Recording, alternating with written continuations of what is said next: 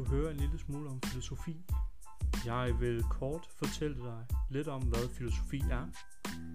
Så vil du høre lidt om filosofien og sofisterne, og hvad de har med hinanden at gøre. Så kommer jeg rundt om Sokrates og Platon, og Epikur og Seneca. Og så slutter jeg med at sætte et par ord på, hvad det er, vi skal med filosofi.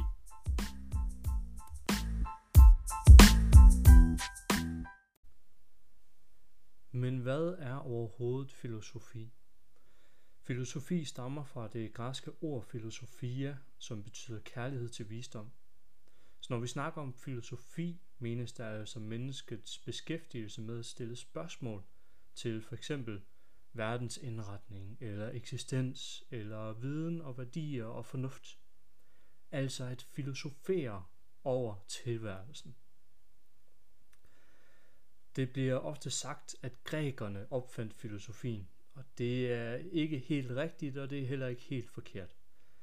I andre oldtidskulturer har man også filosoferet, for eksempel øh, blandt Ægypterne og blandt babylonerne.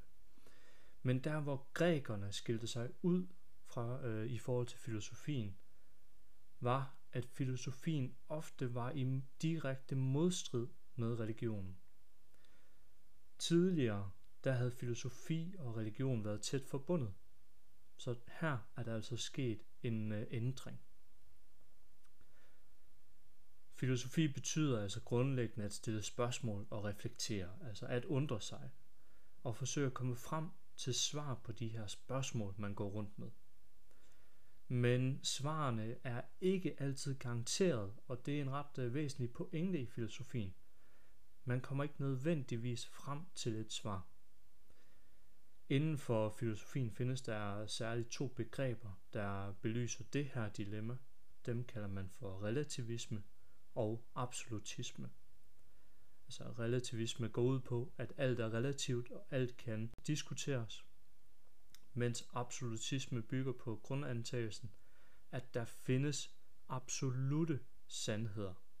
Altså for eksempel, hvad er det gode? Inden jeg om lidt vil fortælle dig en lille smule om Sokrates og Platon, så er der først en anden og ret væsentlig gruppe, som først skal præsenteres. Det er sofisterne. Sofisterne var en gruppe filosofer, som opstod i løbet af 400-tallet, og som særligt holdt til i Athen. Sofistes har rødder i adjektiverne vis og klog, så en sofist kan altså med rette oversættes til vismand. Når vi snakker om sofisterne, og øh, særligt Sokrates bruger tid på at snakke om de her sofister, og ikke mindst øh, at adskille sig selv fra dem, så er der en væsentlig pointe, nemlig at sofisterne lærte fra sig mod betaling. De var en stak øh, filosofiske og politiske lærere. Sokrates adskilt sig fra dette ved ikke at tage imod betaling, men det kommer vi til senere. Når vi snakker om filosofi i det antikke Grækenland, er det mest nærliggende at sige antikkens Athen, fordi det var i Athen, at filosofien og sofisterne blomstrede. Det var her, sofister lærte fra sig. Det var her, unge mænd forsøgte at få en filosofisk, politisk uddannelse – Athen husede i tidens løb en lang række kendte filosofer, der enten boede fast i byen eller besøgte den. Det er personer som Protagoras, Sokrates, Platon og Aristoteles, der alle har en tilknytning til Athen. Og nu vil jeg fortælle dig en lille smule om særligt Sokrates og Platon, før vi vender os mod Epikur og senere Seneca. To af de mest kendte filosofer fra antikken er nok Sokrates og Platon. Sokrates levede fra ca. 470 til 399 før vores tidsregning, mens Platon levede fra ca. 427 til 346 før vores tidsregning. De levede begge i Athen og dyrkede altså filosofien. Sokrates var en slags øh, lærermester for Platon, uden at han nok selv ville bruge ordet lærermester. Det kommer vi ind på lige om lidt. Sokrates han adskilte sig nemlig fra de her sofister ved ikke at tage imod betaling og altså ikke at undervise. Sokrates han kendes for at føre dialoger med folk for at prøve at nå frem til filosofiske erkendelser. Til at nå frem til sådanne erkendelser benyttede Sokrates en dialogform, som også kaldes for jordmoderkunsten. Det betyder også, at erkendelsen altså skulle fødes ved de her dialogpartnere. Dialogformen kan også kaldes for den sokratiske dialogform, og kendetegnes altså ved, at Sokrates stillede en lang række spørgsmål til sin samtalepartner.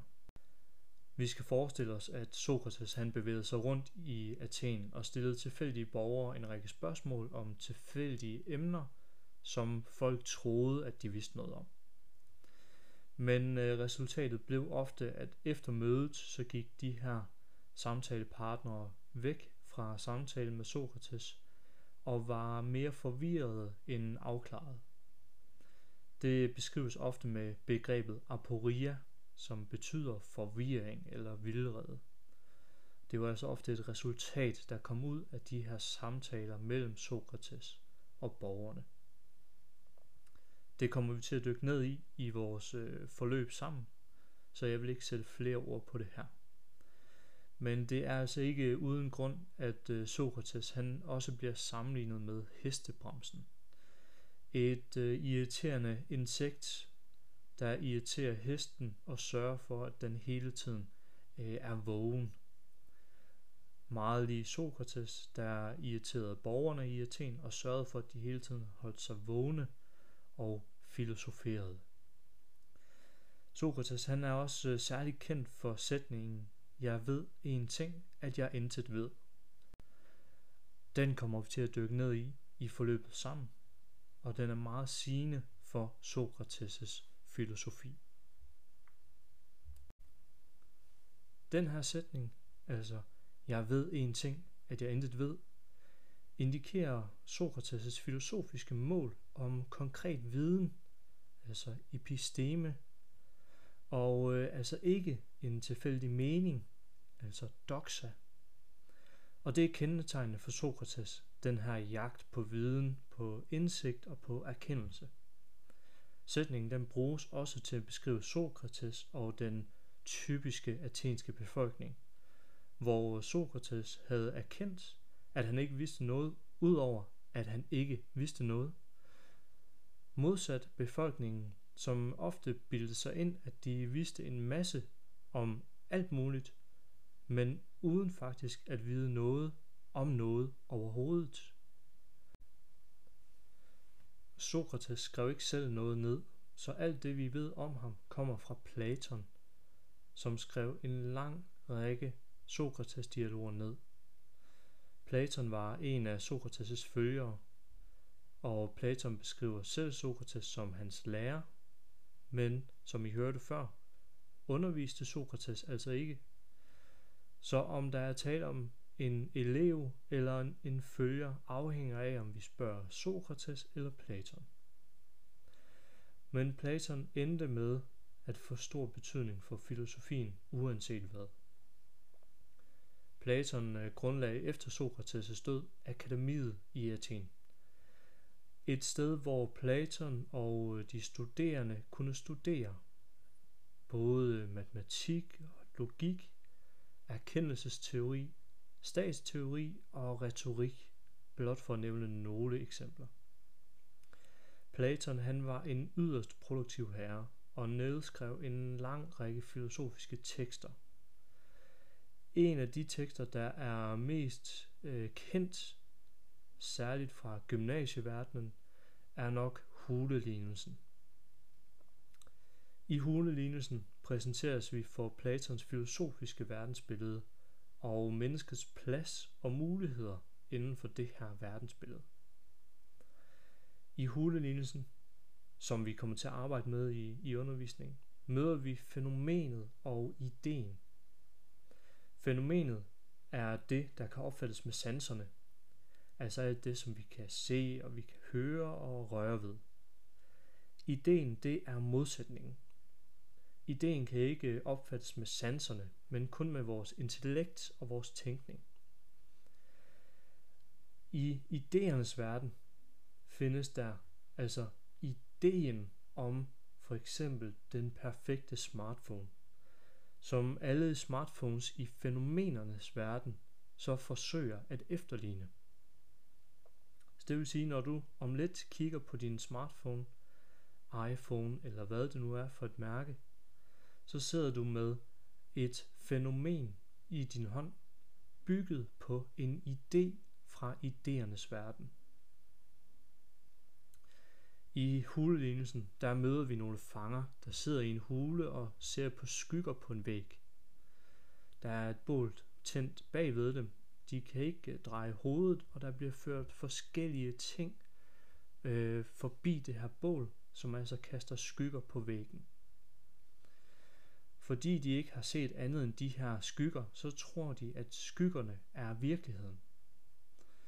Men da en af fangerne så bryder løs fra det her fangeskab og får mulighed for at vende sig om, se bålet og øh, gradvist bevæge sig mod hulens udgang, så opdager den her fange, at verden uden for hulen er virkeligheden, og altså at skyggerne ikke er virkeligheden.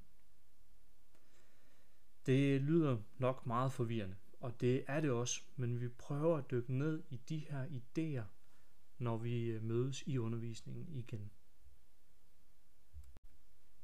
Epikur er en anden filosof, vi møder i vores forløb.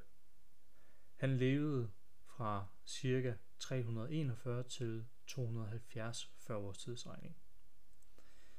Epikur byggede sin øh, filosofi på ideen om, at verden består af atomer. Den idé blev i første omgang præsenteret af Demokrit, som vi dog ikke vil komme ind på i det her forløb. Det særlige ved Epikur og epikureismen er, at filosofien mener, at verden er opbygget på tilfældigheder. Atomer flyver rundt i tilfældige baner og kan støde sammen og skabe uventede kædereaktioner. Dermed mente Epikur også, at mennesket har en fri vilje, og denne frie vilje viser sig ofte ved, at mennesket forsøger at opbygge et livsmønster, hvis primære mål er at undgå smerte. Filosofien bliver altså også kaldt for en hedonistisk filosofi, altså en filosofi, som bygger på ideen om nydelse. Epikur og epikureismen står i skarp kontrast til stoicismen og Seneca, som vi også skal runde i denne omgang. Den sidste filosof, I skal høre lidt om, er Seneca.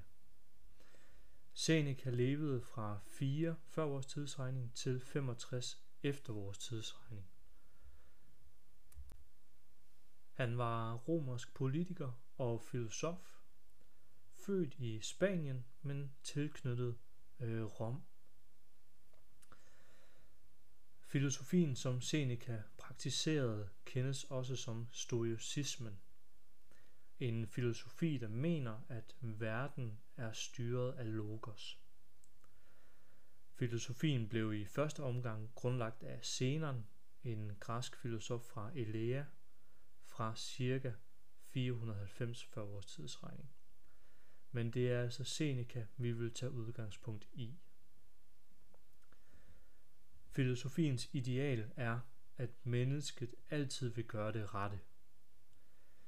Det kan virke som et øh, uopnåeligt ideal, altid at skulle gøre det rette. Og det er også tilfældet, at der var tale om et uopnåeligt filosofisk ideal. Stoicismen bygger desuden på en tæt forbindelse med skæbnebegrebet Moira, og altså ideen om, at mennesket er underlagt en fast skæbne. Som I ved fra tidligere, er skæbnen øh, en fastlagt og urokkelig størrelse, som ofte rejser et filosofisk spørgsmål. Har mennesket overhovedet mulighed for at leve frit?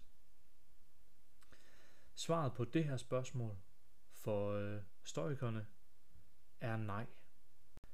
Det bedste man kan gøre, er at handle i overensstemmelse med sin skæbne.